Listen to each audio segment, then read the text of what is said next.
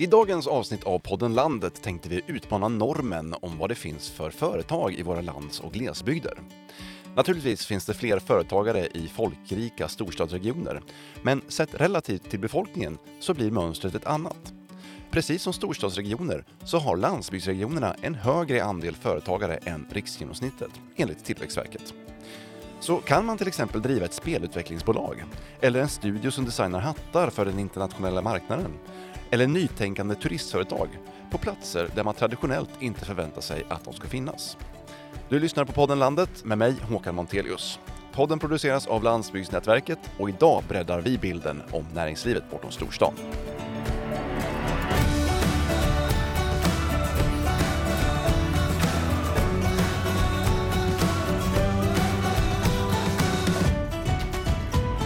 Ja, varmt välkomna till dagens avsnitt av podden Landet. Idag pratar vi företagande och företagsutveckling i landsbygderna. Och med mig idag har jag till att börja med Eva-Lena Skalstad, VD för Lappland Vollerim. Hej Eva-Lena! Hej hej! Hej! Och jag säger också hej till Karin Horisaki, designer och ägare till Horisaki Design och Handel i Koremo, Småland. Hej! Och en annan smålänning, Kristoffer Sederholm, VD för spelkollektivet i Väckelsång. Hej Kristoffer! Hejsan hejsan! Du kanske inte är smålänning, men du är placerad i Småland. Nej, inte ursprungligen, men nu har jag fått bli det. Ja. Vi har också med oss en värmlänning, nämligen Maria Kvarnström som är processledare och innovationsledare på Hagfors Munkfors Innovation Park. Hej Maria! Hejsan hejsan! Varmt välkommen till podden Landet allesammans. Eh, Maria, du får gärna hänga kvar i samtalet. Vi ska återkomma till dig alldeles strax. Men jag tänkte börja med att prata med er andra tre. Ni som driver företag på ganska små orter, långt utanför storstaden, att ni ska få berätta om er verksamhet. Ni driver ju tre helt olika sorters företag, men det som ni har gemensamt är ju att ni driver kanske tre väldigt unika företag. Och inte den sortens företag som man förväntar sig att man i vanliga fall hittar i en landsbygd. Och då tänker jag att vi börjar med dig Karin eh, i mm. småländska Koremo. Du är alltså hattdesigner tillsammans med din man. Berätta lite grann om er verksamhet. Ja, jag, skulle, jag vill gärna kalla mig hantverkare snarare än designer. Um, så jag driver då ett uh, hantverksmärke. Vi har handgjorda hattar till en internationell marknad. Så att vi är, vi är baserade på, på landsbygden eller här i Koremo men eh, vår marknad eh, är utanför Sveriges gränser först och främst. Och din, din man heter Makoto ska vi säga också. Ja, eh, precis.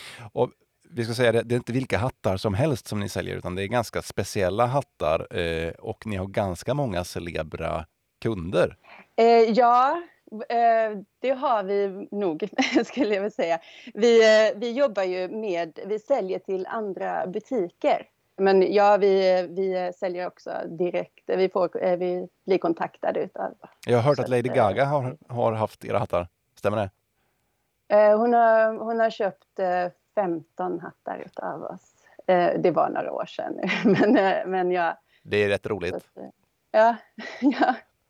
Hon är, en livlig dam. Kul! Eh, vi tar ett skutt från KRMO till Väckelsång. Vi är kvar i Småland. Kristoffer Sederholm, du är alltså VD för Spelkollektivet som eh, också är... Ni jobbar ju också mot en internationell marknad får man lov att säga. Berätta, vad är Spelkollektivet för någonting? Eh, ja, vi erbjuder co-living och co-working för specifikt indiespelutvecklare. Och vi är ju egentligen världsunika med konceptet som vi erbjuder och det gör att vi attraherar liksom, eh, folk från, från hela världen också. Liksom. Eh, men eh, ja, det, det innebär ju egentligen alltså ett indiespelutveckling som är eh, för många ett, eh, ett passionsprojekt, någonting man, man sysslar med och som man måste investera ganska mycket tid i för att få någon form av genomslag. Eh, så att eh, man kommer helt enkelt hit och, och, får möjligheterna att liksom fokusera på sitt eget projekt. Och det, då erbjuder vi liksom alltså både boende, arbetsplats, eh, men även då liksom service i form av att vi har eh, kock på plats som lagar mat åt alla så att man behöver liksom inte tänka på det. Man behöver inte tänka på att pendla till jobb. Man behöver inte tänka på så mycket annat mer än att eh, liksom driva sitt projekt och sen eh, samtidigt då få, få det sociala och inspirationen av att leva tillsammans med andra drivna och ambitiösa människor med, med liknande intressen. Liksom.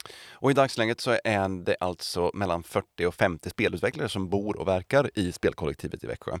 Vad är det som är så lockande med det här? För, för vissa så är det ju bara möjligheten att kunna bo någon annanstans, att eh, lockelsen att, att bo utomlands och att vi brukar egentligen säga det att det vi säljer är ju egentligen gemenskapen. Det, det är ju egentligen de övriga kunderna, eller vad man ska säga, de övriga boendena här som är, är det som är själva produkten. Det är ju gemenskapen som lockar. Det är själva kollektivet helt enkelt. Ja, jo men precis. Och att, att liksom kunna dra inspiration från varandra tror jag framförallt är det som, som lockar folk och som får folk att stanna och att förlänga sina vistelser här. Liksom. Mm. Om vi tar eh, och reser norrut till Vollrim, då är vi precis på gränsen till polcirkeln. Eva-Lena, vad är Lappland Vollrim för någonting? Lappland Vollrim är ett eh, aktiebolag eh, som ägs av 50 bybor, föreningar och företag ihop för att marknadsföra ekoturismen här i, i vårt område. Och det som är speciellt med det bolaget är väl att eh, även om det är ett aktiebolag så återinvesteras eh, vinsten tillbaka till bygden så på så vis eh, för att stärka den lokala ekonomin. Det är liksom därför företaget finns kan man säga. Mm. Och det är en liten speciell typ av turism som ni erbjuder? Det är det. Det är ekoturism. Det är, man kan säga att det vi erbjuder det är vårt vardagsliv. Så att kommer man hit så får man vara med en bybo och uppleva och dela våra vardagsupplevelser kan man säga. Och våra vardagsupplevelser kan då vara att upptäcka norrsken. Det kan vara att vara med en skogssamisk familj en dag och eh, vara med med renarna och få lära sig mer om hur det går till. Det kan vara att vara med på en hushoppningsmiddag där man äter eh, förrätt, varmrätt och efterrätt hemma hos bybor i tre olika hus. Förrätten i ena huset och varmrätten i andra huset och efterrätten i tredje huset för att ja, få komma hem till vanligt folk och eh, se hur de lever och vad de gör och kunna mm. verkligen få en sån här härlig pratstund. Vad hette det sa du? Hushoppningsmiddag? Precis. Ja, låter ju hur trevligt som helst. Det är det, verkligen. Men du, och du sa att eh, ni återinvesterar allt det som ni tjänar i bygden. På vilket sätt gör ni det? Det är via fler upplevelser, via olika projekt. Eh, det som är intressant i Vålerenbygden är ju att eh, eh, det finns, i, idag finns det sju olika bygdebolag som har startats över lång tid utefter olika behov i bygden. Så det första startades för över 20 år sedan när byborna räddade järnaffären från att gå i konkurs och bildade då en ekonomisk förening med ungefär 100 pers. Och det visade sig gå väldigt bra, att det var ett eh, kul och bra sätt att samarbeta tillsammans för att stärka bygden. Och sen har det liksom fortsatt när det har varit eh, kommit lite olika möjligheter kan man säga, eller utmaningar. Eh, till exempel när eh, det gamla militärhotellet skulle säljas 2006, mitt i byn, det stod tomt och öde och eh, folk var lite oroliga vad som skulle hända med den där byggnaden mitt i centrum. Så då gick folk ihop och köpte hotellet, renoverade eh, av egen kraft. Jag tror det lades ner 11 000 ideella timmar det första halvåret för att renovera det. Eh, alla rum är olika och man riktigt känner den här goa byakänslan i, mm. i rummen. Och utifrån det då, när det fanns hotell, så började det ju funderas på, ja men vad ska de göra när de kommer hit? Och då föddes idén, för då fanns det inte egentligen några aktiviteter att boka. Så byborna har alltså utvecklat från då noll aktiviteter till idag en 40-50 olika aktiviteter man kan boka. Och vi ska också säga det att ni har vunnit en rad priser för er eh, verksamhet. Eh, bland annat Rubismo Rural Business Innovation Awards i Europa. Vad är det som gör att ni sticker ut så mycket och att ni får så mycket internationell uppmärksamhet? Först ska jag säga att vi var, vi var topp tre, så vi var i, i final. Vi, vi vann inte, Nej, okay. men mm. i alla fall, det var jätteroligt. Jag tror att Eh, en orsak är ju den här samman, samarbetet för sin plats som man lever på. Att vilja, viljan att utveckla sin plats tillsammans och eh, lägga ner arbete och hitta det som är unikt på sin egna plats och utveckla det. Eh, och själva liksom knick, knicken på det tror jag, det är ju att man stoppar inte medlen i egen ficka utan man återinvesterar det tillbaka till bygden. Det är liksom det som är hela grejen tycker jag. Eva-Lena, er, er verksamhet är ju eh, starkt knuten till just Vollerim som plats. Men Kristoffer och Karin, eh, era företag har ju kanske inte samma geografiska koppling till Koremo eller till Väckesång. Varför har ni valt att förlägga era företag på just de här platserna? Um, ja du, vi hamnade väl här snarare än att vi letade oss hit. Mm. Men hade ni någon särskild tanke med att ni skulle finnas på en mindre ort en bit ut på landsbygden? Så var det ju definitivt. Alltså dels är det ju en ekonomisk faktor, liksom, eh, men också eh, lite grann det här att man, man kommer ifrån storstadsstressen och, och så. Och i och med att just spelutveckling eh, annars liksom lätt förläggs till eh, storstadsområden så är det ju liksom just den här att erbjuda den kontrasten att det här är någonting du kan göra ändå. Du behöver liksom inte vara mitt i smeten liksom, utan att eh, så, så, det är ju lite grann att bevisa en poäng i att eh, det här är en, en flexibel industri. Och Karin, varför hamnade Horisaki Design i KRMO? Jag är född och uppvuxen här i närheten i Mönsterås.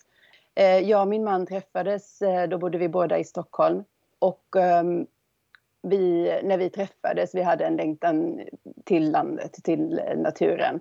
Ehm, och flyttade ut söd, söder om Stockholm, Hölö. Och började egentligen det här företaget där. Men vi behövde, vi behövde något större, vi behövde mer yta och utan att ha några planer på att flytta tillbaka hit eh, eller till Småland så, så var det det här, eh, vi fick nys om den här gården och det var, det var den som avgjorde hela saken, att vi, att vi hamnade här igen. Och ni var ju redan etablerade och internationellt erkända när ni flyttade till KRMO. Eh, har det någon betydelse för att, ni, för att det fortfarande går bra att driva verksamhet ute på landsbygden? Skulle jag säga? Ja, kanske. Ehm, vi insåg väl ganska tidigt att vår marknad inte var i Sverige och därmed var det inte heller viktigt var, var någonstans vi var placerade. Ehm, utan vår, vår grund är hantverket och har alltid varit och vi behöver den perfekta platsen för att ut, utföra vårt, vårt hantverk eller vårt arbete. Ehm, och visst blev vi ifrågasatta att vi lanserar ett varumärke inom, inom modebranschen eh, och lämnar Stockholm. Eh, vilket eh, uppfattades som helt bakvänt. Men eh, vi såg bara fördelar. Skulle du säga att, att, att ni finns på den här platsen, har platsen en betydelse för ert varumärke och, och företagsidentitet? Väldigt, väldigt mycket. Alltså vi, eh, jag tror själva estetiken och eh, hur även våra, våra hattar, hur de ser ut, eh, har väldigt mycket inspiration ifrån, från, ehm, från landsbygd och från natur. Vi, vi jobbar mycket med patina. Vi använder mycket använder växtfärger, eh, använder mycket material ifrån naturen. Vi använder redskap. Vi, vår, vår filosofi är att allting vi, vi gör kan göras med, med hjälp av eld och vatten. Kristoffer, hur viktigt är det för ert varumärke att ni finns på en, att ni som spelkollektiv eh, finns eh, långt bort från storstaden? Eh, jag tror det är ganska viktigt för det vi försöker uppnå så att säga. Jag är helt övertygad om att en motsvarande verksamhet skulle fungera i stan också, men för oss är det ju någonting, vi anammar ju det här att, liksom att kunna sitta och jobba med någonting som traditionellt förknippas med att sitta i stan eh, och liksom IT och, och, så vidare och att sen bara liksom kunna ta en break, snöra på sig skorna och så gå en promenad i skogen. Liksom. Alltså det är ju eh, ganska få spelutvecklare förunnat annars att, eh, att kunna ha den, eh, den livsbalansen. Liksom. Men jag kan tänka mig att det är ganska exotiskt för många spelutvecklare. Ja, ja, ja precis. Ja. Och, och, och, och som sagt, och framför allt för den internationella marknaden. Eva-Lena, vilken betydelse har just platsen Vollerim för ert företagande? Alltså vårt företag finns ju för att eh, det är på platsen Vålerim. Men ekoturistföretag kan du ju göra var som helst på landsbygden. Men, men vi finns ju här för att det är en del i att utveckla platsen som eh, vi bor på. Vi ska släppa in Maria Kvarnström i samtalet också. Eh, Maria, du jobbar ju som processledare och innovationsledare på eh, Hagfors Munkfors Innovation Park som sagt. Eh, berätta lite kort, vad, är, vad går er verksamhet ut på? Ja, vi har eh, funnits i Hagfors sedan 2018 eh, och eh, vi tillhör Karlstad Innovation Park och finns på fler platser i Värmland också. Men Norden och Hagfors är sedan 2018 och sen nu i år vid årsskiftet så har vi även Munkfors med. Eh, och utmaningen eller uppdraget från början var egentligen att, att, skapa förutsättningar för fler och mer hållbara företag i Värmland och att eh, innovationsstödsystemet skulle finnas utanför stan också. Eh, så vi hade en fysisk plats från början eh, med, med bra eh, lokaler för att mötas där företagare kan träffas och, och, samskapa och det som är tänkt liksom hjälp, hjälpas åt att ta varandra, varandras idéer och företag mot eh, mer hållbarhet egentligen. Då. Eh, men vilket vi egentligen inte var så förvånade över heller så blev vi ju ganska själv. Eh, det är ju helt andra förutsättningar eh, i en stad men för en innovationspark än vad vi har på, eh, på landsbygden och dessutom i en bruksort. Ja, för både Hagfors och Munkfors det är ju traditionella bruksorter som du säger. Hur skulle du mm. säga att innovationsklimatet är där och hur är det att driva den här typen av arbete där? Ja, och om man utgår från att, att det ska vara precis som i staden så blir det ju ganska tufft. Men, men eh, vi blev ganska själva som sagt. Så vi backade tillbaka och tog reda på vad ska vi vara? Hur ska, hur ska Innovation Park eh, här vara för att det ska skapa största möjliga nytta Eh, och det vi kom fram till med hjälp av en grupp människor från eh, hela kommunen egentligen och, en bit utanför också. Eh, vi behöver en, en frizon, alltså någonstans där man får tänka stort och, och, komma med de här Eh, om man tycker att det är en tokig idé, men många idéer eh, kanske startar så men blir någonting guldkorn liksom, när det har fått vänts och vridits på ett tag. Eh, men, men just det här eh, någonstans där man inte blir bedömd att det här testade vi för 50 år sedan och det går inte så att eh, då är det ingen idé. Möter du mycket av den attityden, just det här att nej det där går inte? Ja men det, det gör vi också. och, och, många pratar ju på bruksmentalitet och så också. Och det är klart att man har varit med, det är väl av, av tradition också, att man har varit med i en nedgång. Om man ser som Hagfors kommun var ju dubbelt så många invånare för x antal år tillbaka. Så eh, det är klart att det, har, det påverkar. Strukturerna påverkar ju än idag. Mm. Men det som, som vi också behöver göra är innan företagandet. Alltså när man på grund av den urbana normen och eh, strukturerna som finns i vårt samhälle kanske inte tror att man har en idé, kanske inte ens inser att man, eh, fast man har drivit företag i många, många år, att man är entreprenöriell eller eh, att, att min idé är tillräckligt bra som någon annan så att man faktiskt skulle kunna leva på den till slut. Eh, så att vi, vi har fokuserat på steget innan företagande. Eh, försöka torka den här våta filten av dåligt kollektiv självkänsla. Vad säger ni andra då om det som Maria säger här om den urbana normen när det gäller företagande? Är det någonting som ni känner igen er i? Karin, du var lite grann inne på det här att du, du blev lite ifrågasatt när ni flyttade till KRMO. Eh, ja, men eh, det är väl eh, ja, som sagt i min bransch. Det handlar mycket om eh, ja, nätverkande och ja, bygga varumärke och visa upp sig och vara på rätt plats eh, vid rätt tillfällen och liknande. Men genom att helt välja bort det och inte finnas på den spelplanen överhuvudtaget så jag skulle väl snarare säga att vi har frigjort otroligt mycket tid där vi kan jobba och skapa istället. Sen har vi ju våra tillfällen. Vi, vi säljer ju våra hattarna vi gör, eh, gör vi i kollektioner då som vi säljer till andra butiker. Men, och det gör vi i Paris under modeveckorna. Så två eller fyra gånger per år så åker vi en vecka till Paris och där så gör vi det här helt eh, ah, komprimerat, vad ska man säga. Det är dygnet runt i, i en vecka som vi, vi träffar våra, våra kunder, våra kollegor. Eh, får, alltså, sprider vårt varumärke där och sen kan vi, vi, tar, vi plockar hem ordrarna, sen åker vi hem och sen kan vi fokusera helt på att arbeta i sex månader och sen åker vi och gör detta igen. Um, så um, kanske den, den, vi gör ju fortfarande här, den urbana normen, vi, har, vi gör ju det bara på vårt eget sätt, eller vi följer den på vårt eget sätt. Mm. Jag kan egentligen bara hålla med om eh, sam, samma känsla där. Som sagt, eh, spelutveckling är ju någonting som förknippas eh, med att, liksom, att det ska vara i stan. Det är där bolagen är, det är där man kan nätverka och, och, och så vidare. Men det är ju liksom lite samma eh, princip. Men där vi aktivt också arbetar just som sagt mot att bryta oss ut ifrån eh, från den tanken och, och, där vi liksom aktivt försöker jobba med att liksom etablera en, eh, liksom en industri här, liksom inte bara liksom spelkollektivet som så, men där spelkollektivet kanske kan agera som ett, ett nav.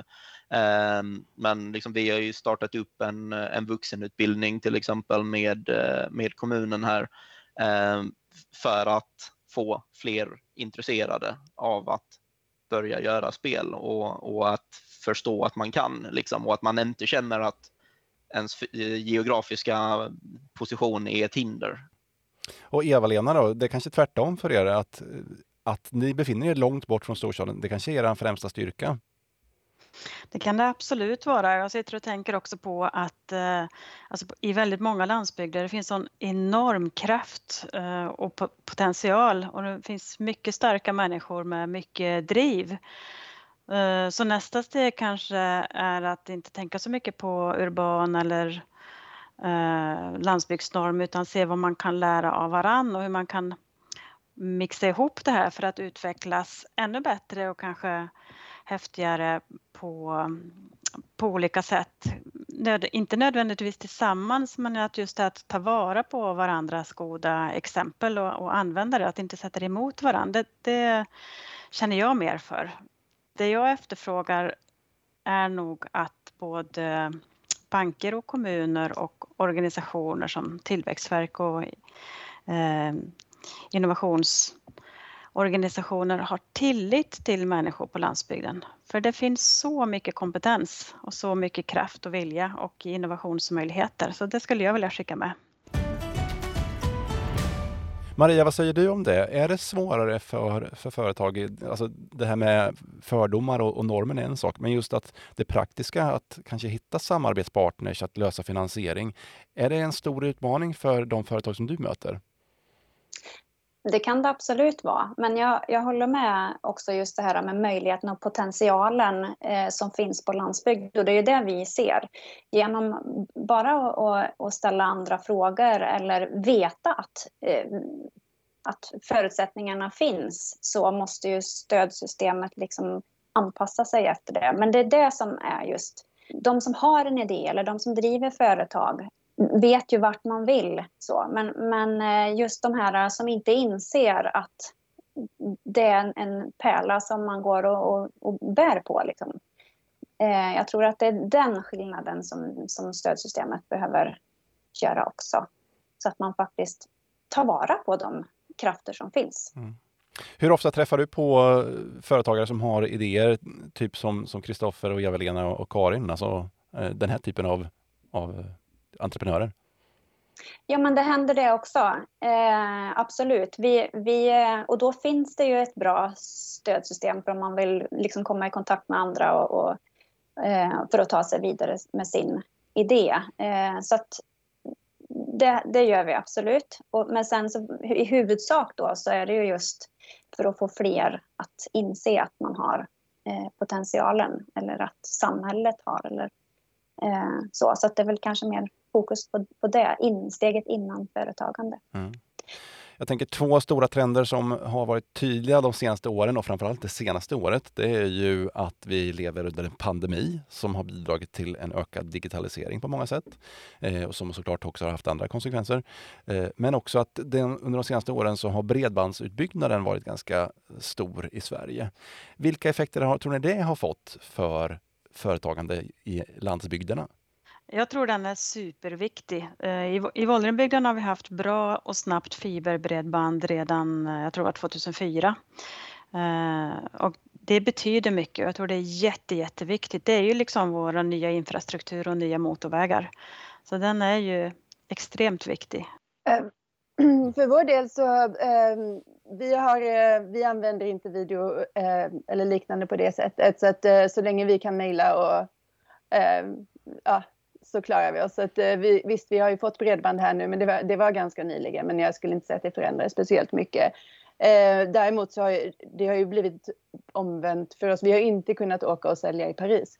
Så vi har ju fått ta ett steg ifrån det digitala där vi tidigare hade ordersystem och liknande och, eh, och eh, skickar ju ut alltså, kataloger per post istället för att riktigt visa upp vårt hantverk med materialprover och liknande. Så vi har snarare omvänt gått till, till, till mer fysisk eh, säljteknik än tidigare detta året. Ja. ja intressant. Kristoffer, ja. jag kan tänka mig att ni måste vara sjukt beroende på, av en bra bredbandsuppkoppling. Ja, vår eh, modell hade ju inte fungerat. Eh, vi arbetar ju med kanske lite större filer än att man bara behöver kunna skicka ett e-mail då och då, liksom, utan att man behöver kunna flytta över eh, ganska, ganska stora kvantiteter. Liksom. Det är ju en sån sak som man märker just från eh, folk som kommer hit från andra länder och har väldigt svårt att föreställa sig att vi kan leverera bra bredband ute på landsbygden för att man är liksom inte van vid det eh, i, i andra länder. Man blir väldigt lätt bortskämd i Sverige med, eh, med de goda förutsättningarna. Liksom. Maria, vad skulle du säga annars är eh, de viktigaste förutsättningarna för att en, en person som har en företagsidé ska kunna komma igång och driva sitt företag i en landsbygd? Jag tror väldigt mycket på just eh, möjligheten att, att, få stöd och hjälp att bolla sin idé när man, har en, när man har en idé och vill ta den vidare. Jag tror att de, de förutsättningarna finns ganska bra. Eh, både i städer och i landsbygd. Och, eh, pandemin har väl gjort eh, den möjligheten ännu bredare just att alla har tvingats ut på på nätet nu och, och, har blivit mer digitala. Så att för den delen så kanske det har blivit mer fördel för, för landsbygd. Nu har ni funnits i, i Hagfors och Munkfors ett tag. Skulle du säga att attityderna har förändrats i och med att ni bara har etablerat er där?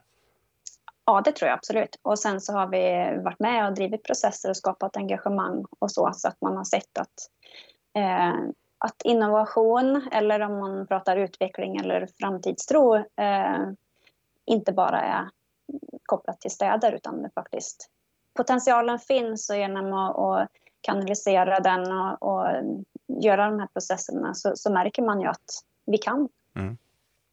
Hörni, podden närmar sig sitt slut. Eh, om vi skulle börja avrunda med en sista fråga här. Om ni skulle vilja skicka med någonting eh, som inspiration för den som kanske lyssnar på det här och funderar på att starta eget och gärna vill driva eget företag i en landsbygd.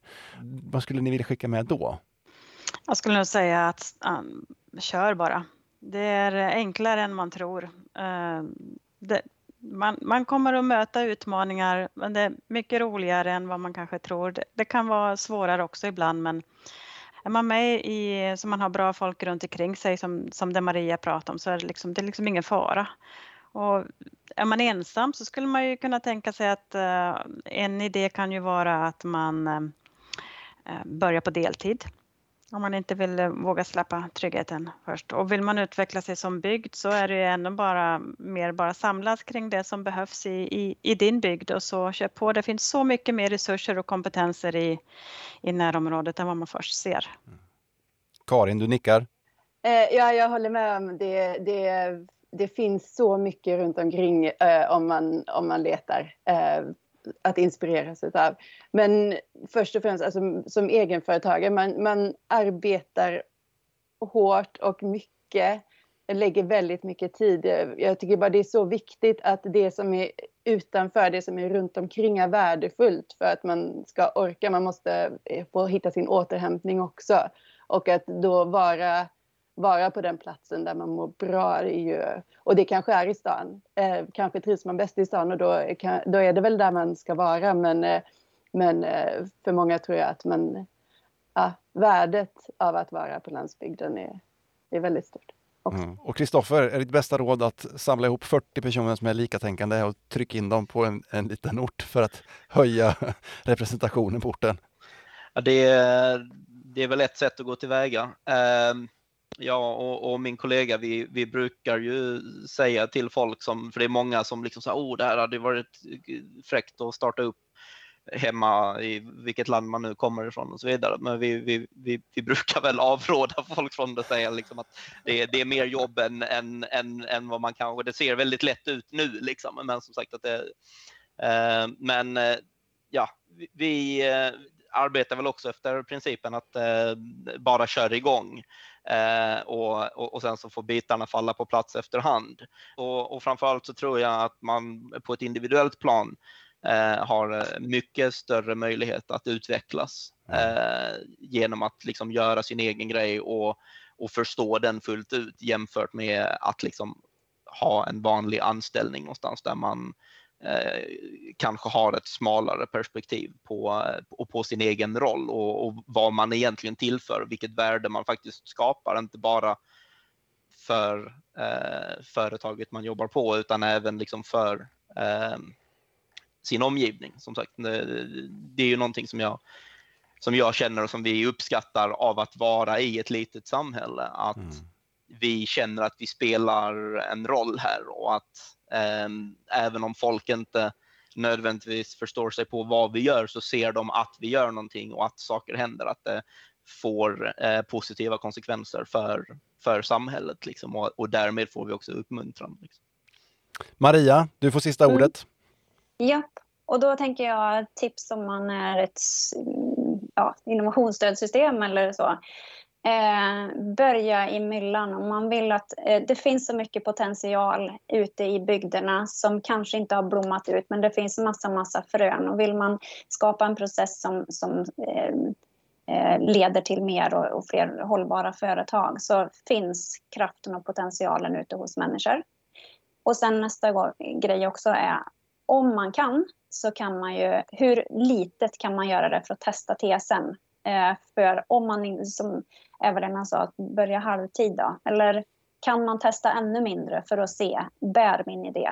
Eh, så prototypandet eh, och paketerandet och konceptualiserandet tror jag är en, en nyckel. Maria Kvarnström från Hagfors Munkfors Innovation Park, tack så mycket för att du var med i podden Landet. Tack. Tack även Eva-Lena Skalstad från Lappland Wollerim, Kristoffer Cederholm, VD på spelkollektivet i Väckelsång och Karin Horisaki på Horisaki Design och Handel i KRMO. Stort tack för att ni var med också. Tack Håkan. Tack, tack. Det var allt från podden Landet idag. Redaktör för dagens avsnitt var Ingrid Whitelock. Jag heter Håkan Montelius och podden Landet produceras av Landsbygdsnätverket. Vi hörs igen i nästa avsnitt.